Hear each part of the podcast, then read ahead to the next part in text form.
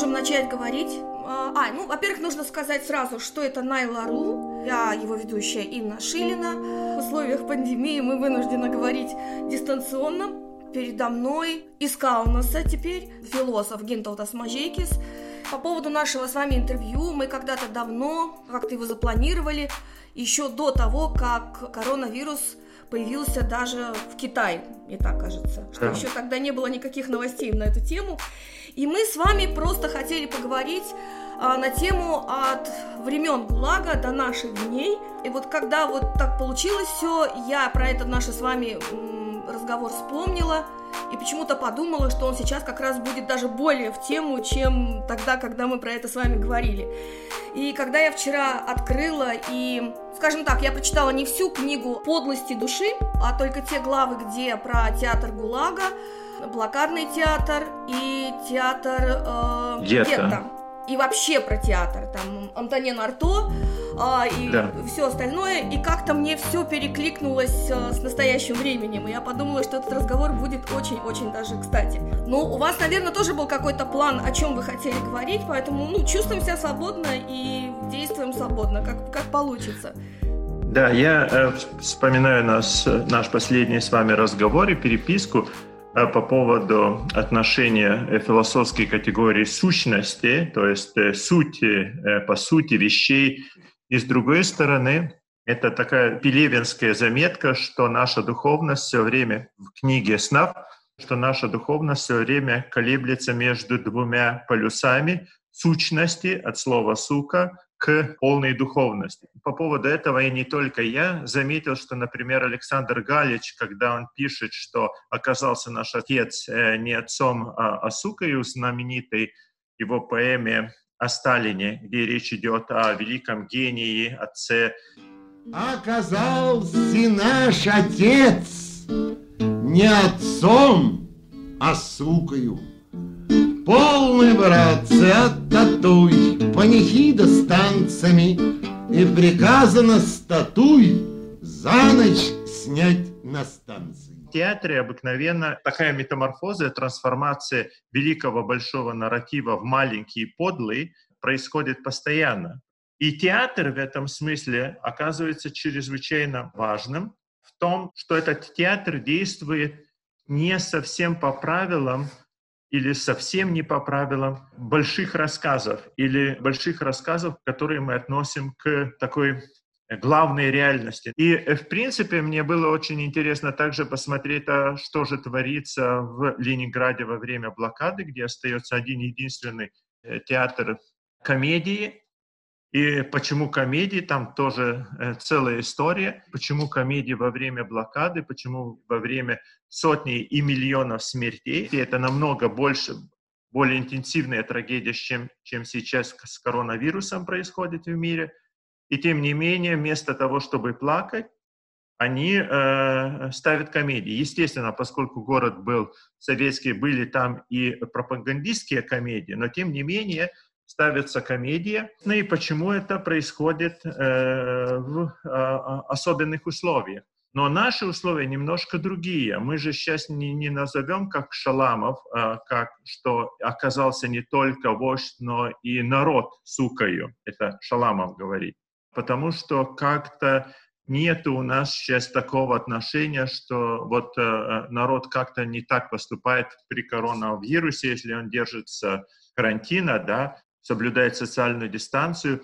и, или, например, в, на, в наших условиях нам нет незачем говорить, в принципе, даже в России незачем говорить о том, чем отец наш и гений оказывается. Но в Беларуси, если вы почитаете о том, о чем э, рассуждает в блогах и Э, социальных сетях Беларуси, в принципе, вот этот э, нарратив превращения батьки в нечто другое, он э, соблюдается, он там есть. Поскольку мы уже заговорили про подлость, у меня был другой вопрос еще, пока чуть-чуть отойдем от театра, по поводу ГУЛАГа. Ну, скажем так, ГУЛАГ это такой социальный конструкт, социальный продукт того времени, да, который на данный момент очень сильно контрастирует э, с нынешними тенденциями, когда заключенных амнистируют, э, стараются чуть ли не распустить тюрьмы, потому что это источник заражения. И когда появилась эта история с принудительной изоляцией в гостинице, вернуть вернувшихся из да.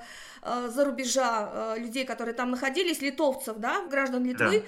и когда, в общем, пошел вот этот весь, э, вот эти все комментарии в социальных сетях, и на Дельфи особенно комментарии анонимные э, и прочее, и не только, кстати, анонимные, то есть ситуации, когда там поножовщина, когда там по пять человек в одну комнату, они жаловались на то, что им не давали воды, еды, что у них не было прочих удобств, привычных для нашего времени, элементарно даже эстетических, я бы так сказала, да. И так получилось, что я сидела, читала эти комментарии, и там из разряда «ату их», да, «ату их», да. и сами виноваты, и да, да, езжайте да, да. обратно, зачем мы вообще здесь нужны, и тому подобное. И я почему-то в себя в голове как-то невольно провела параллель э, с тем, какие комментарии, какие разговоры могли быть тогда, когда э, зачинался гетто, или когда людей отправляли, например, в ГУЛАГ, и тому подобное, вокруг концлагерей прошлого века. И, и вот тогда я подумала, что несмотря на то, что Never Again, да, да все-таки это какие-то гримасы подлости. Это те же гримасы подлости, это новые гримасы подлости, это какие гримасы подлости? Ну, я, я бы так сказал, что это такая обыкновенная или банальная подлость на уровне народа, простого народа, который там всегда присутствует. И когда мы говорим о том, что человек от земли или рабочий является честным, да, и открытой душой, то не совсем понимаем, о чем говорим. Это скорее рассказываем миф, потому что если мы посмотрим на историю становления морали, морального воображения, то мы увидим, что мораль никак не возникает из природных отношений, да, или просто из э, обыкновенного труда, но, естественно, из социальной кооперации, но и образования. И э, когда мы, э, например, надеемся, что вот э, вождь наш воображаемый, скрытая сука, возможно, обращается к народу как великому и умному, то, в принципе, к чему он обращается? Он обращается только к собственной пропаганде, собственной э, машине убеждения.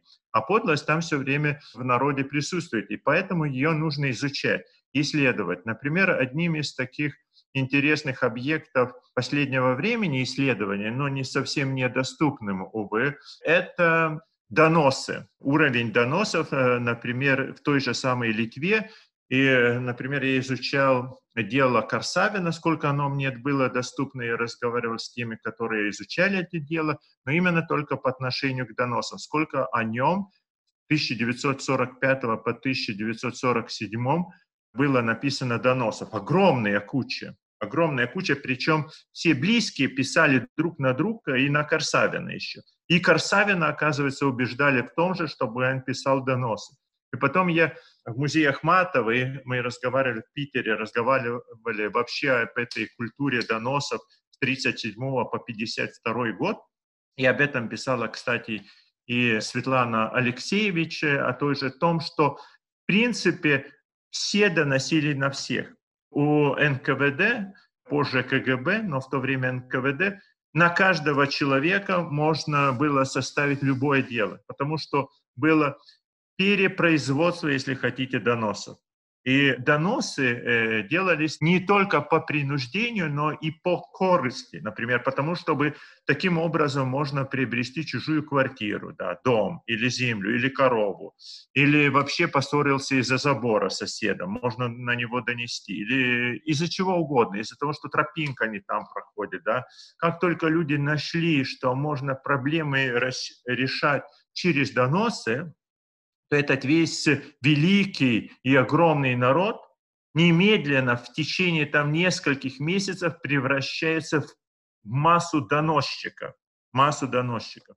И когда Солженицын, например, или Шаламов, почему они, ну, у Солженицына свои там иллюзии по поводу народа, а у Шаламова никаких иллюзий по поводу народа уже и нету после годов и годов в ГУЛАГе. Да, отдельные личности бывают, да, честные, и э, за которыми нужно следовать, из которых герои нашей лидеры нашей моральности, да, таких мы можем найти. Вокруг них э, там появляется несколько людей, да, группа тоже, э, с которыми приятно иметь отношения, которые тебя не сдадут. Но все остальные сдают.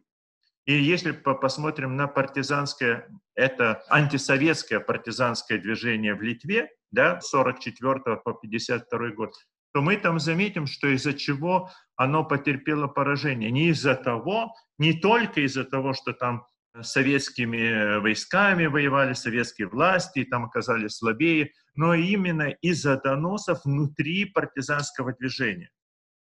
Потому что у людей не выдерживала психика, потому что э, боялись, потому что годы и годы в лесу, потому что нету санитарии, потому что, естественно, в этих партизанских отрядах всякие есть, и моральные, и антиморальные люди. И поэтому вот сразу возникает болезнь доноса, да, предательства, измены, и эта измена присутствует постоянно. Поэтому там говорит о том, что все люди добрые и э, отношение к друг другу является гражданским, это желаемое, недействительное. Но, в принципе, это желаемое уже и не так плохо, потому что на уровне желаемого мы можем создавать произведение искусства. И это желаемое через произведение искусства внедрять постепенно в социальность. Мораль не приходит сама собой из народа. Мораль приходит из искусства в народ.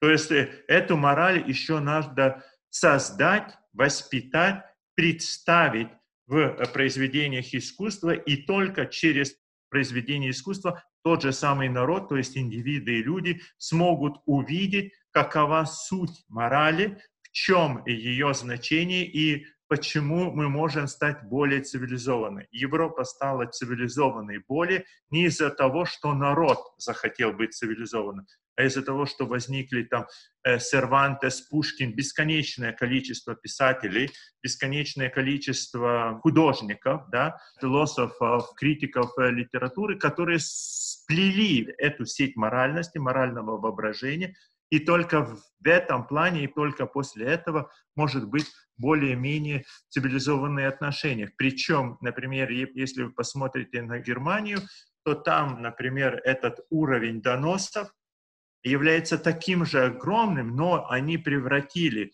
доносы не в сплетни, да, ябедничество, а в, в э, некоторую гражданскую ответственность. Или, например, в Швейцарии не нужны специальные полицейские на дорогах, которые бы там соблюдали и проверяли, где и как машина правильно поставлена. Если вы только неправильно поставите машину, то любой гражданин немедленно имеет право и, видимо, долг донести на вас, что вы и выписать даже или предложить вам штраф через государство, потому что эта культура э, доносов превращается в гражданское самоуправление, когда донос уже соотносится с нормой. Конечно, человеку, возникшему, выросшему в Советском Союзе или на основании этой бывшей советской культуры, понять э, вот эту э, степень и э, культуру доноса довольно сложно, как она превращается в гражданский долг, да?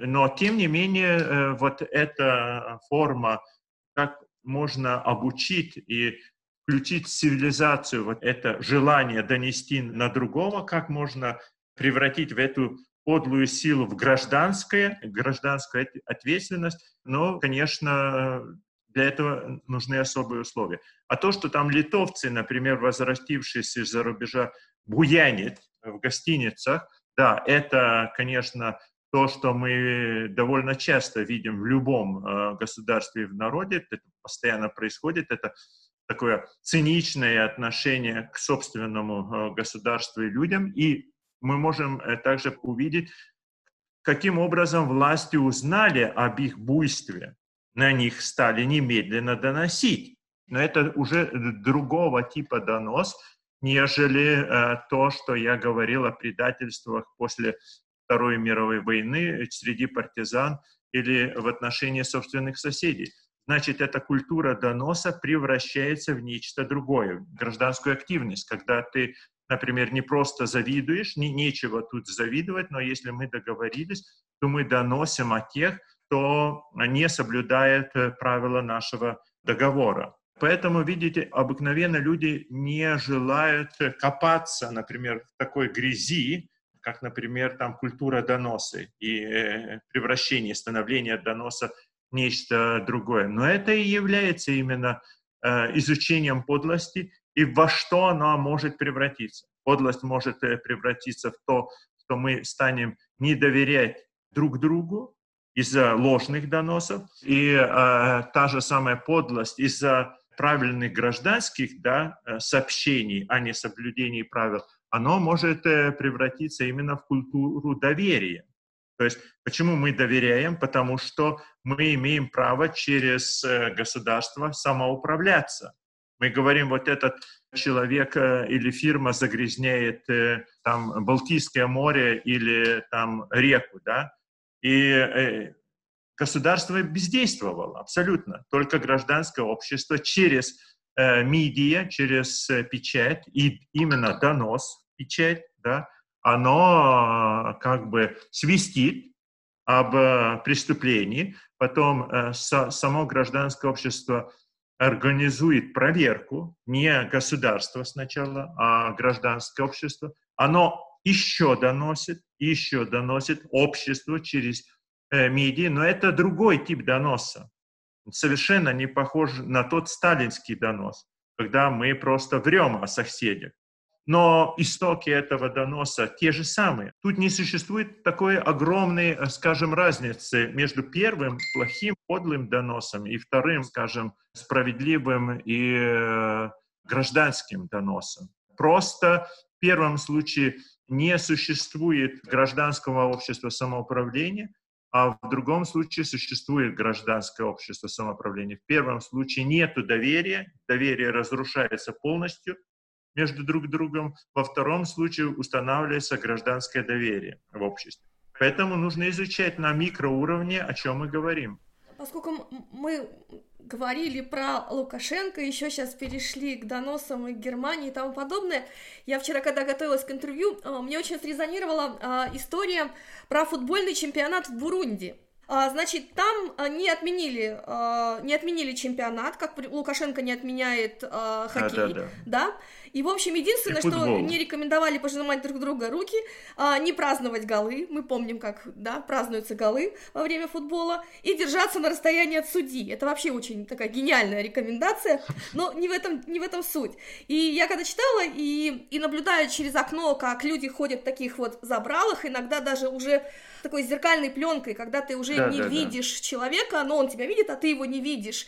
Или когда вот эти все трансляции из студии тоже с этими забралами, да, да, то у меня такая пришла мысль про то, что сейчас было бы гениальный, идеальный спорт был бы, например, рыцарские турниры, потому что это забрало, потому что это на расстоянии вытянутого копья, да, и, в общем, некоторая изоляция, да, и все эти латы и тому подобное. Вот. И тут почему-то я перешла еще к другому вопросу по поводу запрета на ношение паранжи, а, закрывания лица. А, и даже у нас в Литве есть закон о запрете на ношение маски и тому подобное. Это после э, этих самых, я забыла, беспорядков да, да, возле Сейма, да, и, например, вот когда был Пусси Райт, запрещали даже вот надеть во время митинга эту яркую вот эту вот балаклаву, ага. а, и теперь балаклаву. вроде бы вопрос, а, скажем, ну, вернемся к Паранже, вопрос Паранжи и ущемления прав женщин, независимо от того, она с этим согласна или не согласна с тем, что ущемляет ее права или нет, или она с этим борется, но так или иначе теперь э, закрытое лицо еще полгода назад вообще уходит на второй план полностью. Э, до коронавируса э, в Литве, в Европе и в Соединенных Штатах, например, идеология глобализма стала не просто объектом критики, но она действительно превратилась в гегемонию. Да? Открытость и а, открытое общество постепенно превратилось в глобальное общество. И причем запреты на паранджу, да, и на закрытое лицо и на маски, они как раз и относились к идее полного открытого общества в глобальном пространстве, где доминирует э, гегемоном является турист. Турист и покупатель в супермаркетах. Вот это они стали вместо пролетариата и капиталиста, как гегемонные силы, приходит такой анонимный турист. И этот анонимный турист определяет все. А столицей, я говорил, анонимного туриста, туризма мирового становится Венеция. И там полностью вообще только туристы, там местных почти что нет. И абсолютно циничное отношение к друг другу. Очень интересно из-за того, что открытость оказалась циничной, и эта открытость оказалась безликой, потому что турист, он, э, эти массы также покупателей, они безликие. Не важно, что они там э, движутся, э, что каждый из них отдельно у себя дома, да, когда читает книгу, общается с детьми, то у него появляется и лицо, и улыбка, но тем не менее, как только он включается в это безликое движение масс, да, оно утрачивает. И открытость превратилась в безликость. А чтобы приобрести лицо, оказалось, что нужны границы, личные границы по отношению к друг другу, соблюдение дистанции. Это очень интересно, например, это я помню еще год назад литовцев обвиняли в том, что у них слишком маленькая эмпатия друг к другу, что они слишком редко обнимаются, целуются, пожимают друг другу руки. Это вот такой огромный негатив. И э, вот социологи, психологи Литвы думали, как эту холодность литовцев надо устранить. Оказалось при исследовании, что литовцы еще более холодные, чем эстонцы, потому что, потому что у эстонцев э, уровень эмпатии оказался выше, чем у литовцев, а у литовцев вообще маленький уровень эм, эмпатии. А тут э, при коронавирусе все э, превратилось вдруг наоборот, что э, именно отсутствие вот такой интенсивной, агрессивной эмпатии и установление некоторой дистанции, социальной дистанции, именно в этом и заключается правило новой гигиены мира. И страны, которым, например, Италия и Испания, у которых была огромная эмпатия друг к другу, да, и большие семьи, то они оказались в худшем положении. Причем, например, когда мы смотрим на Великобританию, то там, например, распространение вируса происходит не из-за того, что там британцы очень пылают уже эмпатией друг к другу, нет, никоим образом, хотя меньшинство там всякие, у них степень эмпатии может быть большим и большие семьи, но тем не менее большинство британцев являются очень холодными, но поскольку у них э, слишком поздно вводили карантин через обязательную социальную дистанцию, именно в этом э, плане из-за трафика, что все катаются, ездят на метро в Лондоне, который тоже не закрывался там долгое время, ни, ничего не происходило из-за этого. Поэтому там э, другие причины распространения коронавируса. Но мы говорим о социальной эмпатии. Оказывается, что социальная дистанция, оно является очень важным. Дистанция уважения друг к другу. Это не просто социальная дистанция, что там полтора метра или два метра друг от друга, да, или метр. Но это э, как бы уважение друг к другу. Мне очень интересно наблюдать, как эта эмпатия соблюдается, например, в супермаркетах. А в супермаркетах, например, в том же Lidl, да, который я вообще не люблю, но э, они э, ввели э, метки, везде поставили, даже на да, улицах. Это и есть тоже, да. Есть. Да, да, и, да, да, везде, э, то есть как бы э, супермаркеты учат свои массы социальной дистанции. Причем, если вы посмотрите, то эта социальная дистанция соблюдается, и если кто-нибудь не соблюдает социальную вот эту дистанцию, то другие граждане немедленно на него обращают внимание, там, жалуются на него, там, вызывают там, охранников, там, на него орут, кричат, чтобы он соблюдал дистанцию. И таким образом вдруг сами граждане приобретают этот навык, если вы заметите, как ходит на улицах, то тоже постепенно каждый день все более и более соблюдается дистанция. То есть каждый человек как бы обходит друг друга. Да, я заметила, я себя чувствую, как будто это автомобильное движение, что я автомобиль, что я останавливаюсь да. там издалека, пропускаю, когда кто-то идет с горы спускается. Да,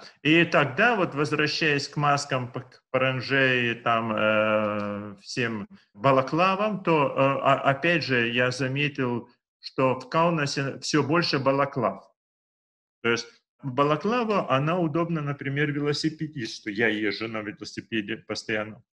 Она намного более иногда, э, удобна, нежели обыкновенная маска, потому что ну, это и шапка вместе. Да, и нету да. вот этого вот, э, то, что на твоих ушах да. что-то висит, потому что уши Да, устают. и это не раздражает, да, то, что там ты там, э, как осел, все время вытягиваешь собственные уши. И балаклава оказывается более удобной. Если вы посмотрите на моду масок, то вы заметите, что постепенно уже в Европе и в Литве переходит на что-то похожее на паранжу. То есть тебе шьют и тому подобное. И, а мы можем вспомнить еще пару лет, э, больше, чем два года назад, э, во Фра... Э, суды во Франции, во многих европейских странах, которые запрещали через суд, через закон публичное ношение паранжи или закрывание лица. Оказывается, для видеокамер, если они э, современные, э, там наблюдать за вашим лицом из-за того, что вы там надели какую-то э, паранжу, нет никакой разницы. Там все ваши там, черты сохраняются, и, в принципе, вас будут опознавать, если это э, современные камеры наблюдения, а не просто на уровне аналогии фотографии. Вы знаете, я когда думала вообще про возникновение такой одежды, как паранжа, и сейчас мне коронавирус отчасти подсказал, что всегда должна быть присутствовать какая-то а, физическая причина, почему возникает такая форма одежды. Потому что а, мне приходилось жить в Израиле и также некоторое время в Турции, и я столкнулась с таким э, моментом, что мне реально удобно одевать какие-то леггинсы, брюки, сверху юбку и наматывать себе что-нибудь там на голову и закрывать лицо, потому что пот, песок – жара и ветер, да, и, собственно говоря, и вот эта вот форма одежды, я так начала задумываться, что сначала, наверное, появилась физическая необходимость такой одежды там, на Востоке, связанная с климатом и тому подобное, и только потом она стала а, социальной нормой, униформой какой-то, да, когда требованием там в определенных религиозных, да, обществах и тому подобное, и что сейчас мы опять наблюдаем нечто подобное, похожее, потому что сейчас опять получилась, появилась физическая необходимость в том, чтобы закрывать развиваться. Да, и причем э, эти социальные нормы, они являются также и границами. Эти границы являются не только утратой, э, скажем, э, свобод наших, но и наоборот э, приобретением э, свобод, потому что ты как бы э, можешь соблюдать различные интенсивности открытости. И именно через соблюдение интенсивности ты создаешь собственный мир. Если хотите, вы отстраняетесь от безликой массы, имеете возможность э, соблюдать собственное лицо, поскольку у вас есть граница. Паранджа или другое одеяние, оно и создает эту границу. Лицо а становится поскольку... эксклюзивным. Да, ты, ты становишься да, в, в себе и для другого эксклюзивным, и сам решаешь, насколько тебе быть открытым. Причем, я думаю, после коронавируса, естественно, мир никогда уже не вернется в полную открытость, но тем не менее какие-то появятся, культуры и интенсивности открытости, но наряду с этим будет введена и культура закрытости. И в том, что ты имеешь не только правило, право быть закрытым от соблюдая социальную дистанцию или даже невидимость, неприступность, но и, э, в принципе, будут, видимо, создаваться какие-то места, какие-то особые движения, где только вы имеете право войти, если у вас закрытое лицо. Вот если так подумать, что вот мы говорим, что лицо становится эксклюзивным, а вот вообще вот губы друг друга, да, вот мы сейчас по сути видим только во время видеотрансляции. Да. И в связи с этим у меня следующий вопрос. Вот я даже книгу достала, вот я в студенческие ага. годы ее когда-то читала, а, Антонин да, Артой да, да. и его двойник, театр его двойник, и, в общем, там вы приводите цитату из а, из его книги, что, что там Марос это, э, что чума это театр, да, что театр это жестокость, это конфликт и прочее, и прочее, и я начала это сводить с тем, что... А, а следующая ваша там цитата, которую я здесь выписала, что кино только имитирует э, жестокость, э, что кровь, там, боль и тому подобное, это все, в общем, только в кино, только имитация. И у меня в связи с этим возник такой вопрос, что а сейчас мы все перешли в такой видеорежим, и, собственно говоря, это все экран, вот, и получается, что наша жизнь отдалилась от театра и больше приблизилась к кино, что, возможно, из нашей жизни уходит вот это вот ощущение конфликта, э, жестокости и тому подобное, и от этого всего легче, в принципе, отстраниться, этого не видеть, этого не испытывать, вообще как таковое.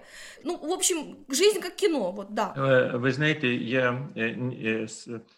Тут вы цитировали Антонина Арто, я его очень люблю, но в то же время я бы сослался на Жорж Батая, который тоже пишет очень много жестокости, э, но не столько о театре, сколь о ритуалах жесток. И если проследить от э, э, Батая до Арто, то мы заметим, что существуют различные, опять же, степени культуры жестокости. Именно культуры жестокости. Бескультурная жестокость — это когда мы там насилуем друг друга, да, физически или психически, но там особой культуры игры в этом нету.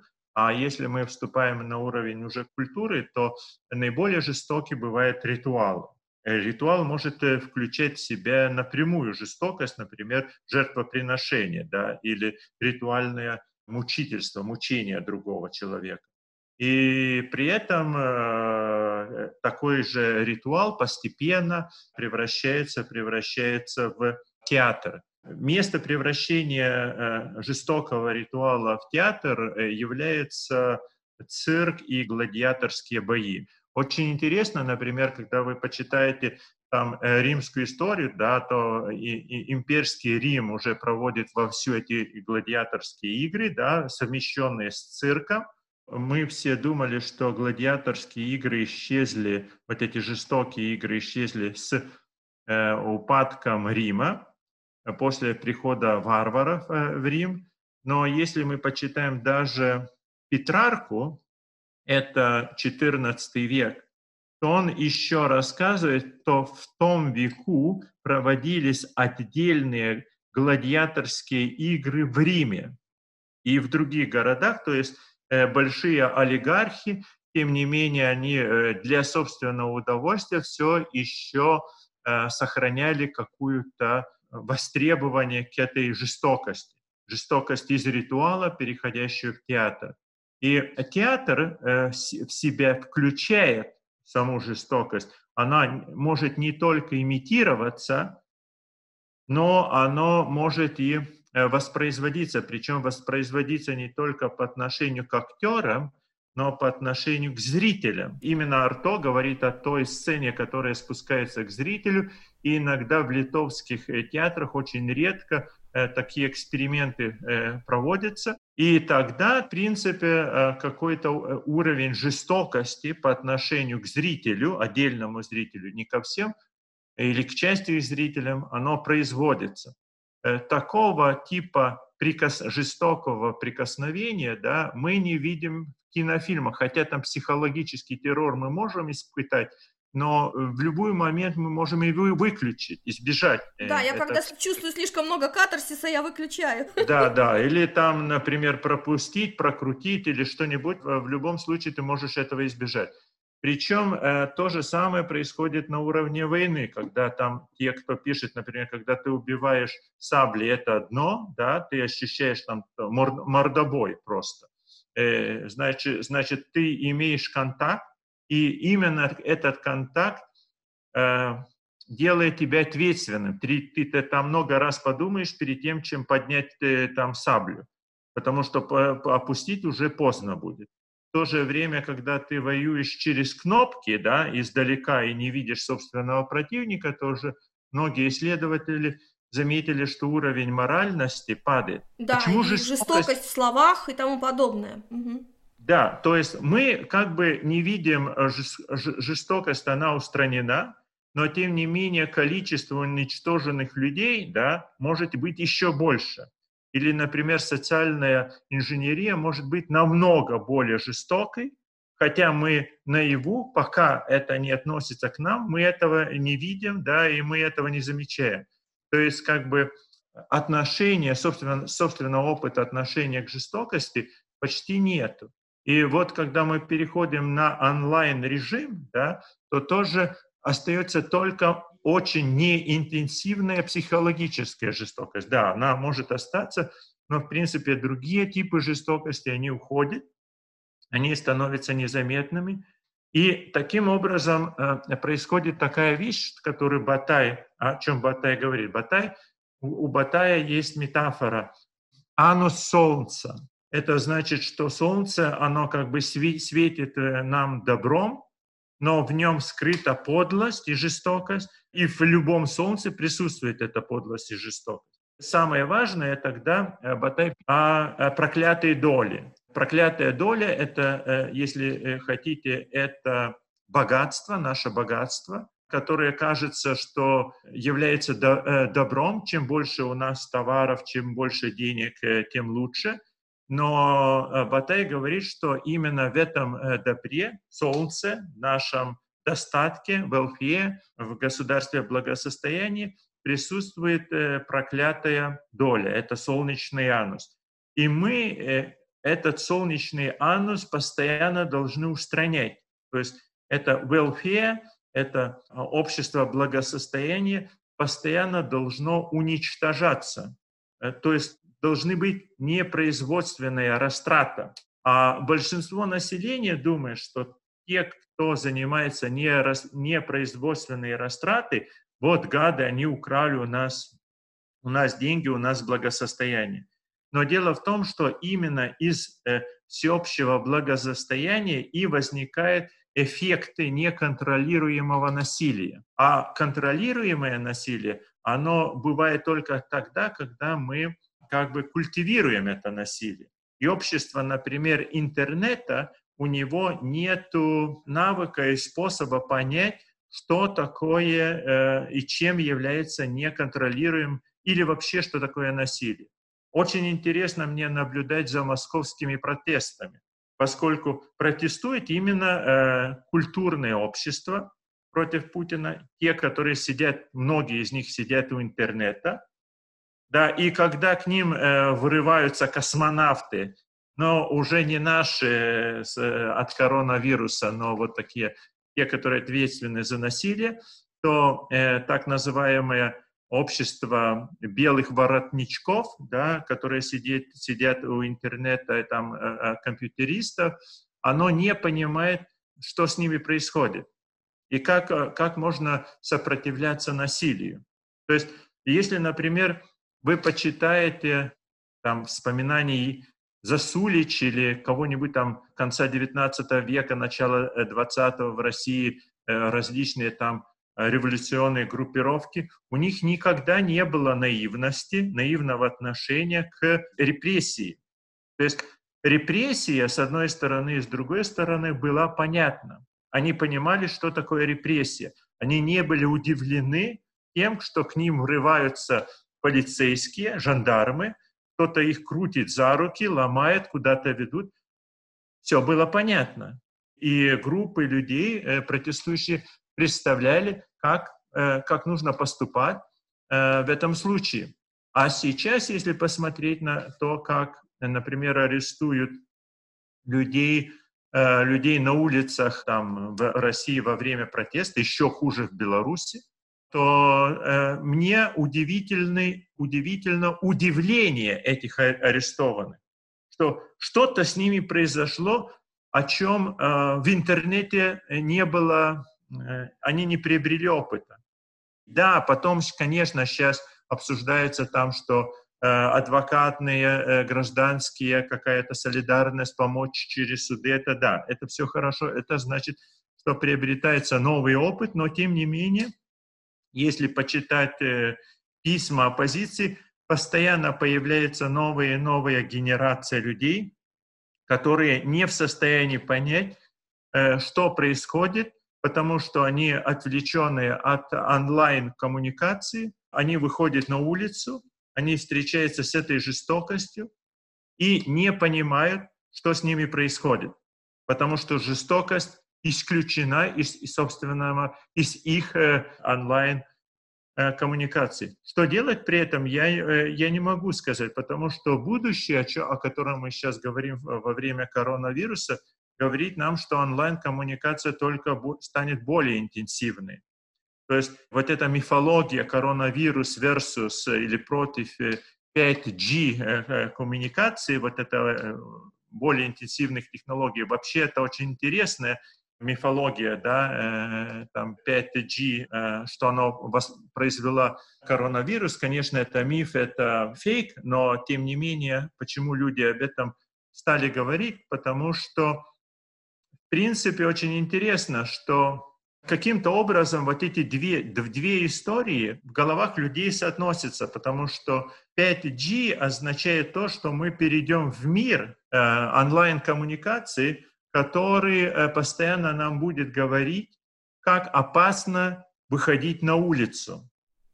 То есть До этого нас... были разговоры, как опасно выходить в интернет. А сейчас, да, а сейчас, э, да, э, значит, э, вводить будет больше контроля в сам интернет, но тем не менее на улицу вообще лучше не выходить. Не выходите из дому, сидите все дома. И причем сидите дома, что нас дома а, ожидает? А у нас ожидает все, весь мир через 5G. Ты можешь покупать, продавать, общаться тебе, в принципе, э, на улицу нельзя выходить, и вот этот 5G будет воспроизводить так называемую агорафобию, страх выхода на улицу, страх прикосновения. И вы представляете, люди, воспитанные тогда в условиях 5G ужаса выйти на улицу, они выйдут иногда на улицу, и так там их немедленно сцапают, скрутят руки, и они удостоверятся в том, что улица — это жуть. И, естественно, передвижение только э, через полтора-два метра дистанцию в очередях, не здороваясь ни с кем, ничьих лиц не видя, все в масках, а, сбежал, сбегал в магазин, купил что-то, вернулся домой, живая свобода. 5G у тебя э, дома, ты наконец можешь общаться, ты избежал всех страхов, и лучше вообще, видимо, появятся какие-то поколения, людей, которые никогда не выходили на улицу. А, а вы знаете, я вот еще подумала, что это еще ведь должна измениться и планировка городов, потому что у нас в последнее время стали писать про супер маленькие а, квартиры, про эти капсулы и тому подобное. Но это для людей, которые в основное время проводят в офисе, в спортзале, а на выходные куда-нибудь уезжают. Получается, что должна изменить, измениться пожелание людей к их быту. Да, но я не совсем тут согласен. Существует две возможности. Для э, чем ты богаче, конечно, тем ты можешь апартаменты более широкие, удобные приобрести приобрести. Не, ну ты можешь жить и в лесу, в деревне. Да, да, или в деревне, да. Э, и действительно так, и тогда ты будешь себя чувствовать еще лучше. Но я думаю, что 5G э, и другие технологии скоро нам э, предложат онлайн-стенки, например, что ты там сидишь дома, да, и у тебя постоянно находится, ты путешествуешь около реки или там около озера, не будешь чувствовать в том, что у тебя там только 18 квадратных метров или еще меньше. Но поскольку просторы, постоянно тебе будет за определенную плату открываться все новые и новые, и эти просторы, э, интернет-просторы будут намного дешевле, конечно, чем э, какая-то физическая доступность. Поэтому э, особой необходимости в путешествиях не будет. Причем, если тебе нужен запах и там сосен или там чириканье э, воробьев, то э, за определенную небольшую плату ты все это получишь. Путешествие, да. оно, в принципе, не всем было доступно и год назад, и два года назад. И не у да. всех было желание так путешествовать.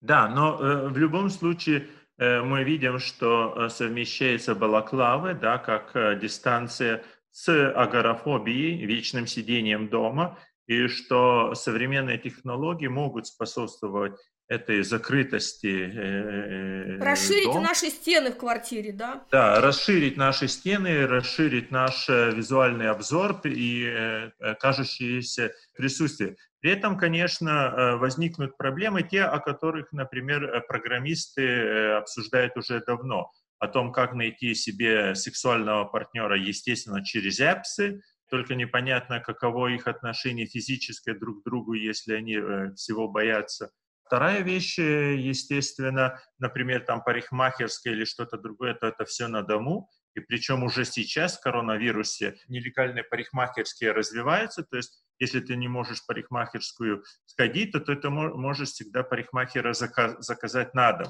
Причем если это раньше для программиста было э, каким-то вызовом, да, и шиком заказать парикмахера на дом, то сейчас оно как бы становится само собой разумеющимся.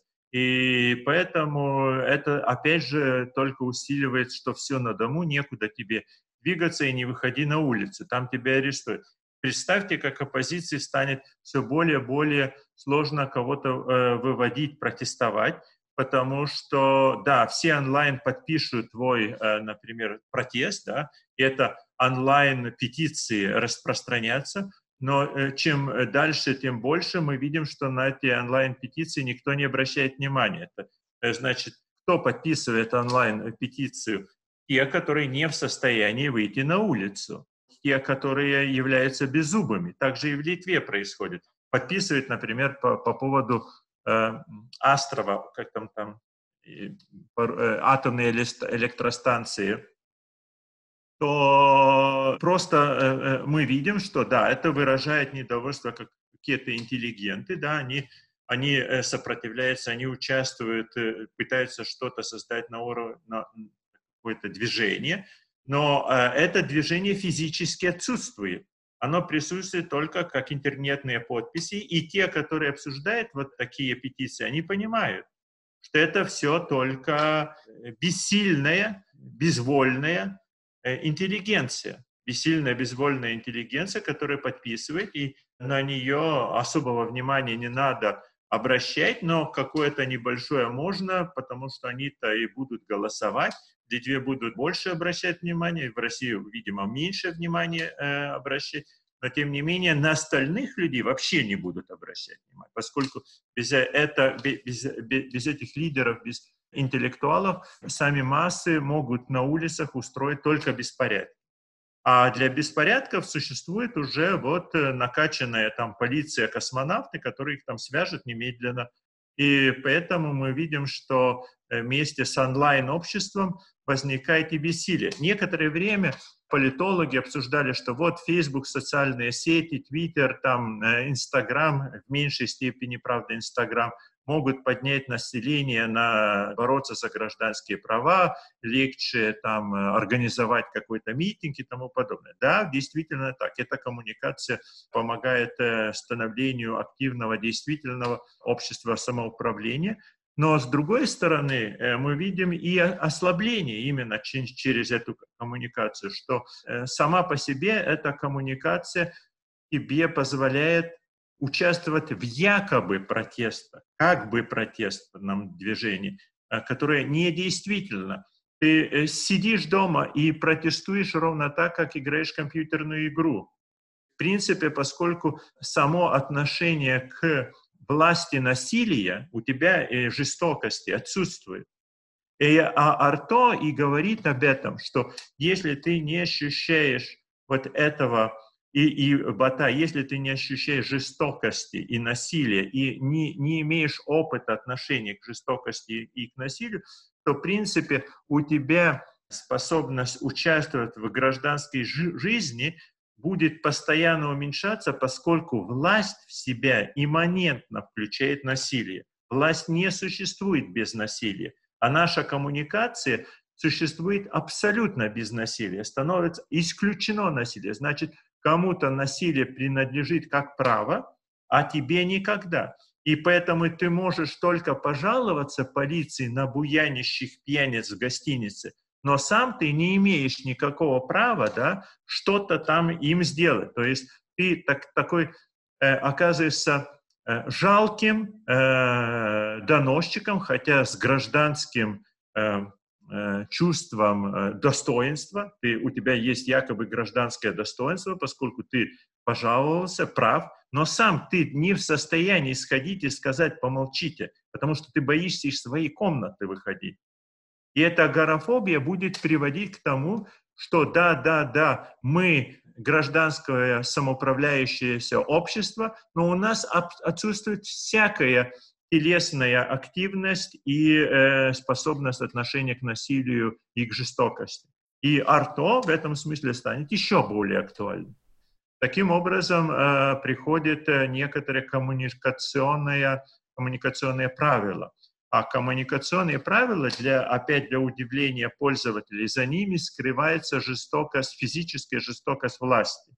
То есть, опять же, вот этот комментатор, который пишет э, и думает, что э, за его лексикой как бы не следует физическая жестокость, что э, ответ ему будет такой же лексический на уровне там письма, но оказывается, что не на уровне письма, а вдруг к нему в двери стучатся, к нему врывается и его пугает, и страх э, перед приходом физической власти, оно э, неминуемо э, наводит ужас и вводит правила нашего общения. Но беда в том, что эту жестокость устанавливает не гражданское общество напрямую, а устанавливает власть. Если эта власть демократическая, то, в принципе, мы этой жестокости, которая извне к тебе приходит, мы можем более-менее доверять. Но, например, если эта власть авторитарная, да, рядом, или тоталитарная, и которая является полным монополистом жестокости, то ты, когда, например, а, монополист жестокости может определить то, что, например, о демократах ты не можешь ничего хорошего сказать, но о евреях позволено говорить все. И тогда, естественно, демократа скрутит и уведут, да, а который там будет проповедовать расизм, да, ему даже, возможно, поблагодарят. Когда гражданское общество не в состоянии самоуправлять, управлять э, физическим насилием, то тогда мы э, становимся заложниками из неприходящего насилия, и хорошо, что это насилие э, одобряет наша как бы толерантность, например, э, национальную толерантность или религиозную толерантность, но оно может в любой момент поменять правила насилия поскольку не мы меняем правила. И тогда это общество станет тоталитарным, авторитарным, фашистским, каким угодно. А, я вчера не успела дочитать книгу до конца, но я там столкнулась э, с понятием, которое я помню с одной из презентаций вашей книги «Подлости души». Это было, по-моему, в прошлом году, да, зимой. Угу. И вы там говорили про Э, Dėvėtas laikas, поношенное время, да, секонд-хенд время. Да, и да, вот да, да. И я тогда сидела и думала про время, а время поношенное, оно всегда поношенное, оно всегда секонд-хенд, или наступает какое-то совершенно новое, неношенное время.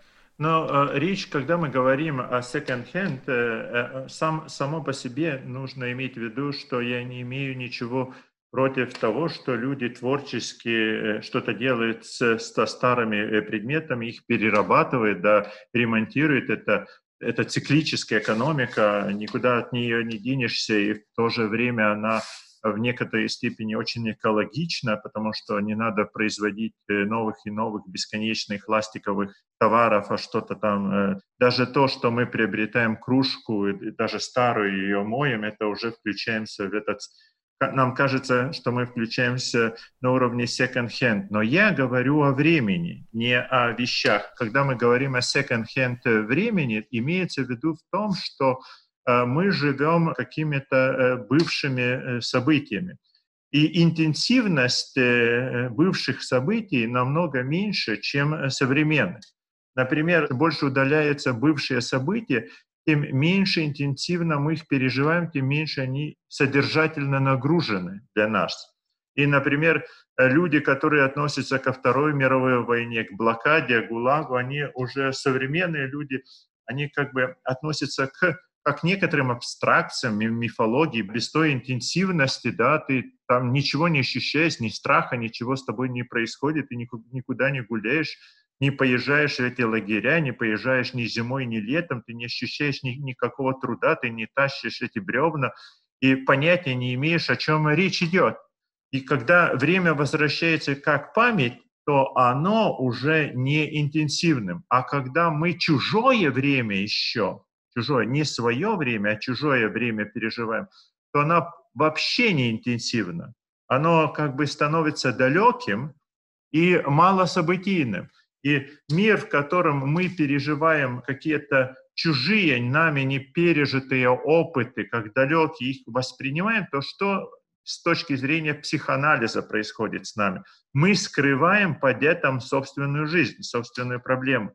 употребляя чужую, чужую жизнь, чужое время, да, поедая его, мы скрываем и прячем собственное время, собственные отношения.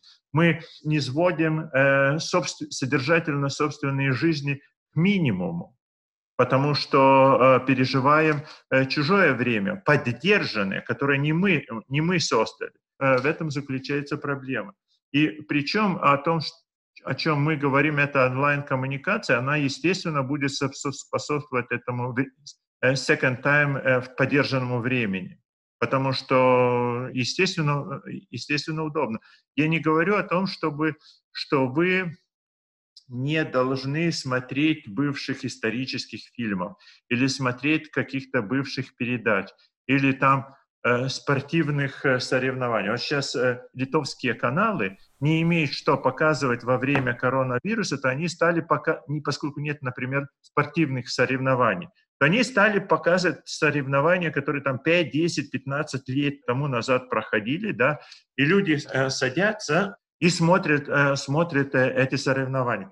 Дело в том, что эти соревнования подобраны вам таким образом, чтобы вы получили удовлетворение и чувство достоинства, которое вам гарантировано как товар.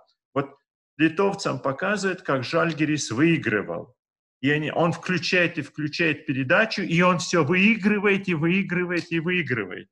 Понимаете? Никакого унижения не происходит. Он уже, этот человек, не хочет включать ничего, видеть того, где ты проигрываешь. Ты исключаешь любую возможность падения, то ты вытираешь вот этот солнечный анус, то, что тебе может сделать больно, и ты хочешь видеть только солнышко. А это солнышко тебя и съест. Если чем можно было бы закончить, пока говорили, я даже искала специально, слушала и искала песню.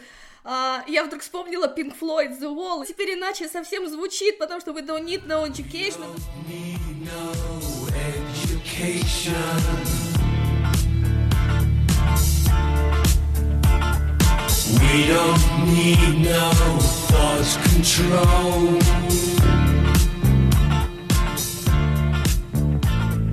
конечно, теперь эта песня звучит совсем иначе.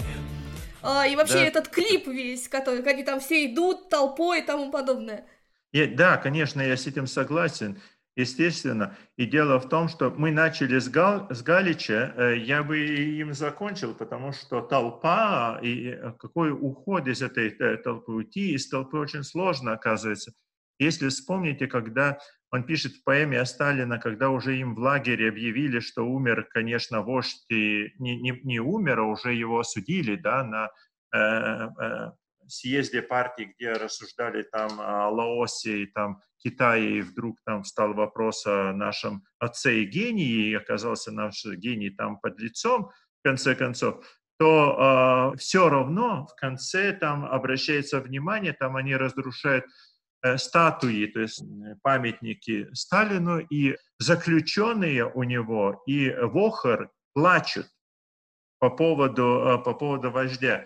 Все стоим, ревня ревем, и вохровцы языки. Дело в том, что изъять э, вот эту колонны или коллективность из сознания является очень сложным. Оно просто так не происходит. То есть диссиденты обращают внимание, что большинство народа, за исключением криминала, кто не согласен с властью, это только сознательный, э, сознательный диссидент, их абсолютное меньшинство, поскольку большинство, которые сидели по политическим э, там, э, статьям, они были ни, никчемные люди, они вообще и они присягали партии, но тем не менее их посадили и они уже в ГУЛАГе, тем не менее, верили все время партии и все время мечтали, как перейти из статуса заключенного в статус насмотрщика.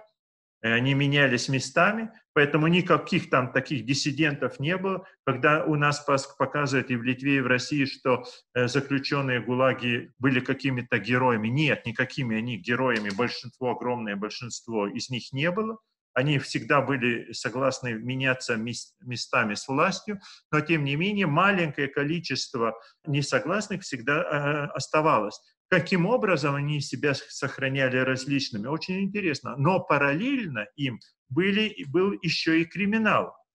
Они тоже были отдельные. То есть э, и эта параллель между криминалом и твоей собственной мыслью, то говорит нам о том, что наша свобода всегда в некоторой степени криминальна. То есть мы все время, если мы хотим что-то создать интересное, мы приступаем правила нормативности. Искусство не существует без перешагивания правил.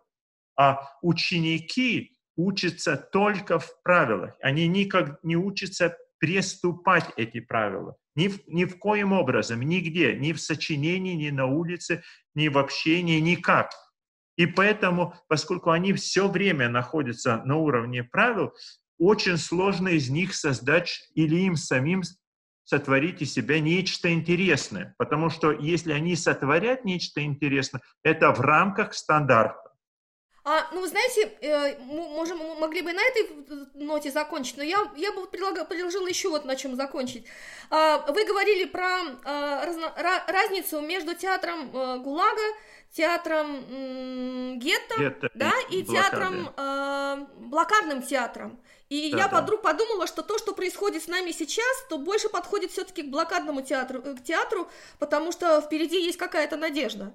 Да, да, э, действительно так. Э, это я говорил о разнице между этими театрами по отношению к аду. Ад – это некоторое состояние тотального ужаса, открытого, откры, открытого насилия, и как мы относимся, э, к, например, театр ГУЛАГа уже по ту сторону, он в аду. И это не, э, не ворота в преисподнюю, а уже в исподней, что, что происходит. В то же время театр гетто – это театр перед э, преисподней. То ты уже еще в ад не вошел. И ты уход, находишься, как Данте, у врат ада. То же время как блокадный театр, он как бы в конце все время. Ты уже видишь просвет. Ты можешь выйти оттуда, возможно. Потому что его правило является в том, чтобы показать, что существует некий другой мир. Конечно, такого просвета ищет и, например, Гулаговский театр, но я говорю не о, вси, не о любом Гулаговском театре, а только о профессиональном который уже не ищет, потому что, в принципе, для Соловков другого будущего почти нету. То это как бы то состояние, в которое ты вошел, другого мира, возможно, уже не будет, потому что ты осужден на 25 лет, и ты знаешь, что еще тебе добавить еще 25. Другого мира не будет. В то время как в блокаде у тебя просто приказ тебе верить, что через год будет нечто другое. А в гетто они знают, что еще более-менее нормально, но, но ужас, возможно, ужас нас ждет впереди.